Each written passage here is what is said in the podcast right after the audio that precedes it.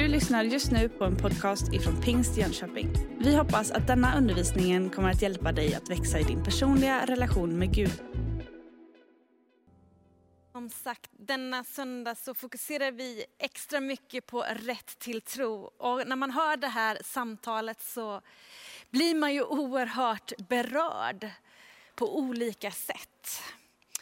Och en fråga som jag ställer mig, vad innebär det egentligen att tro på Jesus?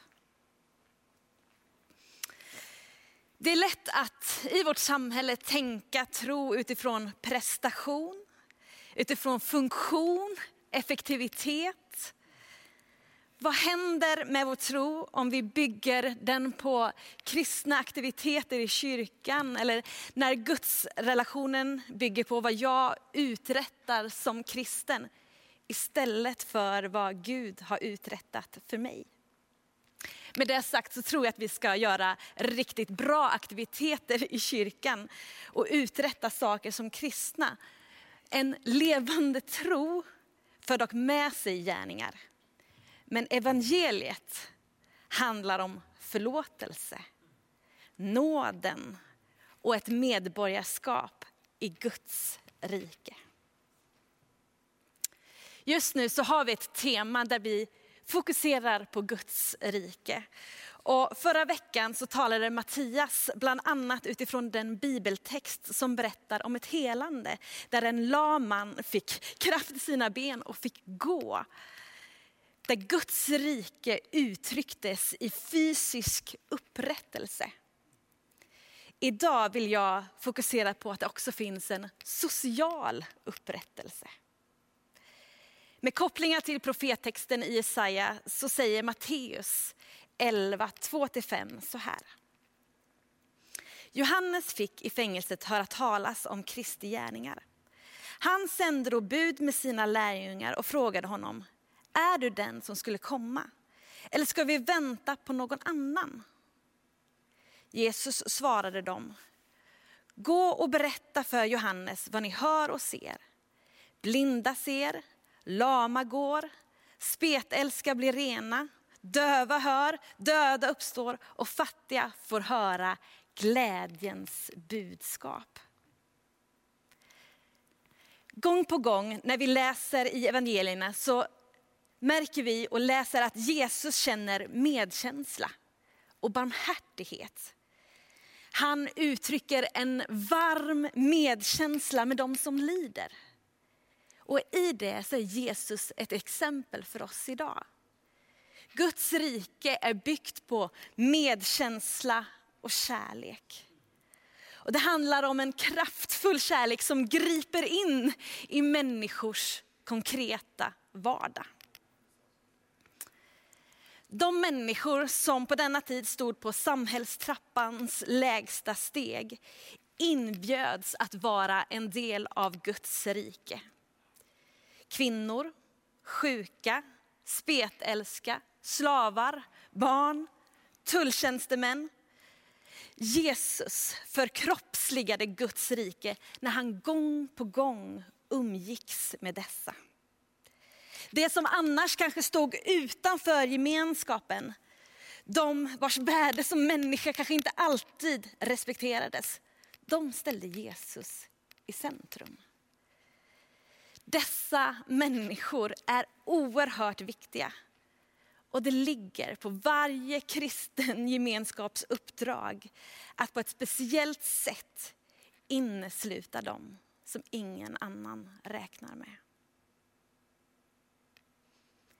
Jesus omkullkastade maktstrukturer och genom sitt tjänande så visade han på en annan väg. När han tvättade tvättar lärjungarnas fötter så gör han en slavs arbete. En slavs gärning. Och riket som uttrycks i Jesu tjänande, det stod i skarp kontrast mot samhällets hierarkier. Markus 1 och 14 säger, tiden är inne, Guds rike är nära. Omvänd er och tro på evangeliet. Grunden för denna proklamation är att Gud har en plan för världen. Och i denna plan finns världens räddning och ett upprättande av Guds riket. Det sker genom att Gud i Kristus besegrar ondskans makter. Och de mirakel och under och tecken som Jesus gjorde är tecken på Guds rikes inbrytande. Och därför så lever vi kristna i spänningen mellan det här redan nu och ännu inte. Mellan det som har skett genom Jesus Kristus och det som kommer att ske vid tidens slut. Jesus lärde sina lärjungar att be. Låt ditt rike komma. Låt din vilja ske på jorden så som i himlen. Vi ber den i Fader vår. En bön som kyrkan fortsatt att be i 2000 år. Församlingen är inte detsamma som Guds rike. Men församlingen är anförtrodd att vara en aktör för utbredningen av riket i världen. Församlingen är till för Guds skull, där vi i lovsång och tillbedjan får ära Gud och göra hans närvaro kännbar på jorden. Församlingen får också vittna om riket, evangelisationen, missionen. Och i det kan församlingen, du och jag, få vara ett redskap. Vi får vara ett andligt hem, men också finnas till för samhällets skull. Att stå upp mot orättvisor och förtryck och vara lyhörd för utsattas behov. Gudsriket är inte uteslutande en framtida realitet utan också här och nu. Och nästa söndag kommer vi att dra ut den där linjen mot framtiden och det himmelska perspektivet. Vi ska gå till Lukas kapitel 17, vers 20 och 21. Där det står, då Jesus blev tillfrågad av fariseerna om när Guds rike skulle komma så svarade han, Guds rike kommer inte så att man kan se det med ögonen. Ingen ska kunna säga, se här är det, eller där är det. Nej, Guds rike är mitt ibland er. Frågan som fariséerna ställer gäller synen på Guds rikes ankomst. Frågan förutsätter att Jesus har ett tidsschema, liksom en viss ordning att, att bocka av så man kunde göra sig redo. Och första delen av Jesus svar ger uttryck för hur man brukade se på Gudsrikets ankomst. Att det förväntades att kunna ses med sina egna ögon. Att där är det, eller här är det. Men det går inte att lokalisera till en viss plats. Guds rike finns inom räckhåll för dig. Det är ett aktivt begrepp och det ställer dig inför ett beslut. Beslutet om att tro, att lita på och följa Jesus. Guds suveräna makt över världen, hans helande kärlek finns inom räckhåll för dig. Du kan också få vara en aktiv del i det. Och redan nu är Guds rike aktivt genom hans egen närvaro och verk. Det är för oss att ta emot Guds rike som en gåva. Jesus ger den inbjudan. Riket ges utan hänsyn till social rang eller andra skillnader, utan den är öppen och villig för den som tar emot det erbjudandet. Och våra liv får vara en del av Guds rike. En plats där hans goda, barmhärtiga vilja får råda. Det finns ett medborgarskap i Guds rike som innebär att följa Jesus och att få vara hans lärjunge. Guds rike innebär att Gud är konung. Han regerar Och han får vara kung i våra liv. Vårt medborgarskap har vi för att vi tillhör Kristus. Och det är vår huvudsakliga identitet. Att du tillhör honom och att du är hans älskade barn. Därför vill jag faktiskt fråga dig idag. Vill du svara ja på den inbjudan som Jesus ger? Vill du tillhöra Gud, följa Jesus och vara hans lärjunge? Jag kommer alldeles strax be en överlåtelsebön. Och du kan med dina ord och där du är få vara med i den bönen.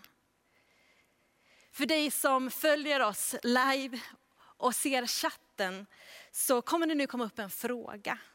Om du vill överlämna ditt liv åt Jesus. Och du kan som en konkret handling trycka på den knappen och svara ja på den frågan. Du kan också ge dig till känna till våra onlinevärdar, våra förebedjare som gärna vill fortsätta be och samtala med dig.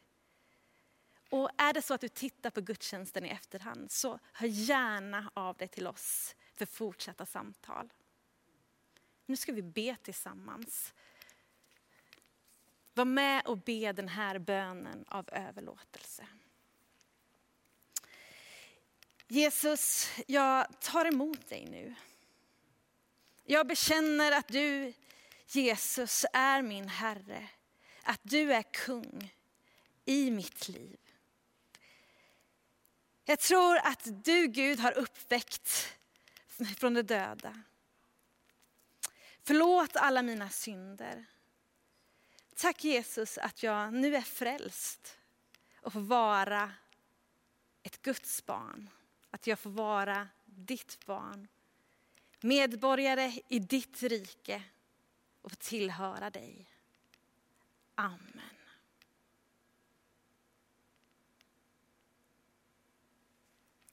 Till dig som har bett den här bönen så står det så här i Johannes 1 och 12.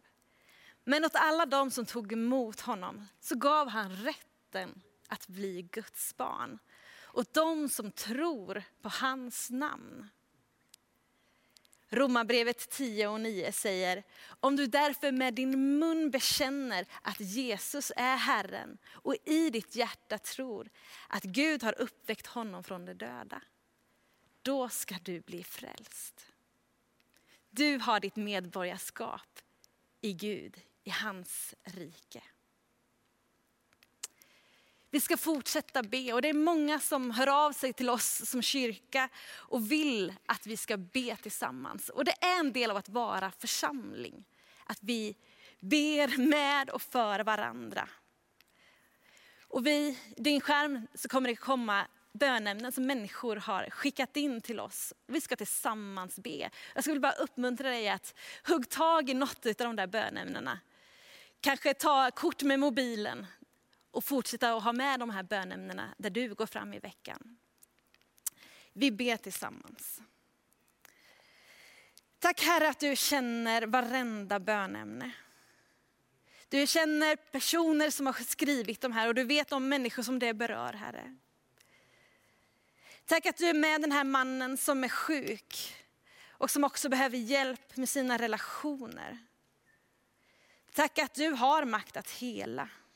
Både i fysisk kropp men också i relationer. Jag ber att du ska fylla den här personen som är i riskgrupp och som är orolig för smitta med din himmelska frid. Beskydd av tankar, Herre, ber vi för. Vi ber för det här barnet som har drabbats av en allvarlig sjukdom. Var med hela familjen, Herre. Tack att du är med dem just, just nu.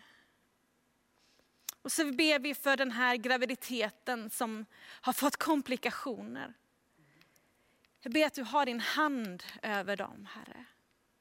Över det lilla barnet och hela familjen. Kom med styrka och kraft. så ber vi Herre för hela vår värld. Du som har en plan för hela mänskligheten.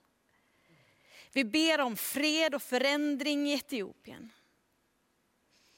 Vi ber för alla drabbade i översvämningar i Sydsudan, Etiopien, Filippinerna och andra platser som just nu är hårt drabbade av naturkatastrofer, Herre. Ha din hand över dem, Herre. Vi vill också på ett särskilt sätt be för de kristna i norra Mosambik som lever i stor utsatthet, Herre. Kom till dem. Tack att du har hela världen i din hand.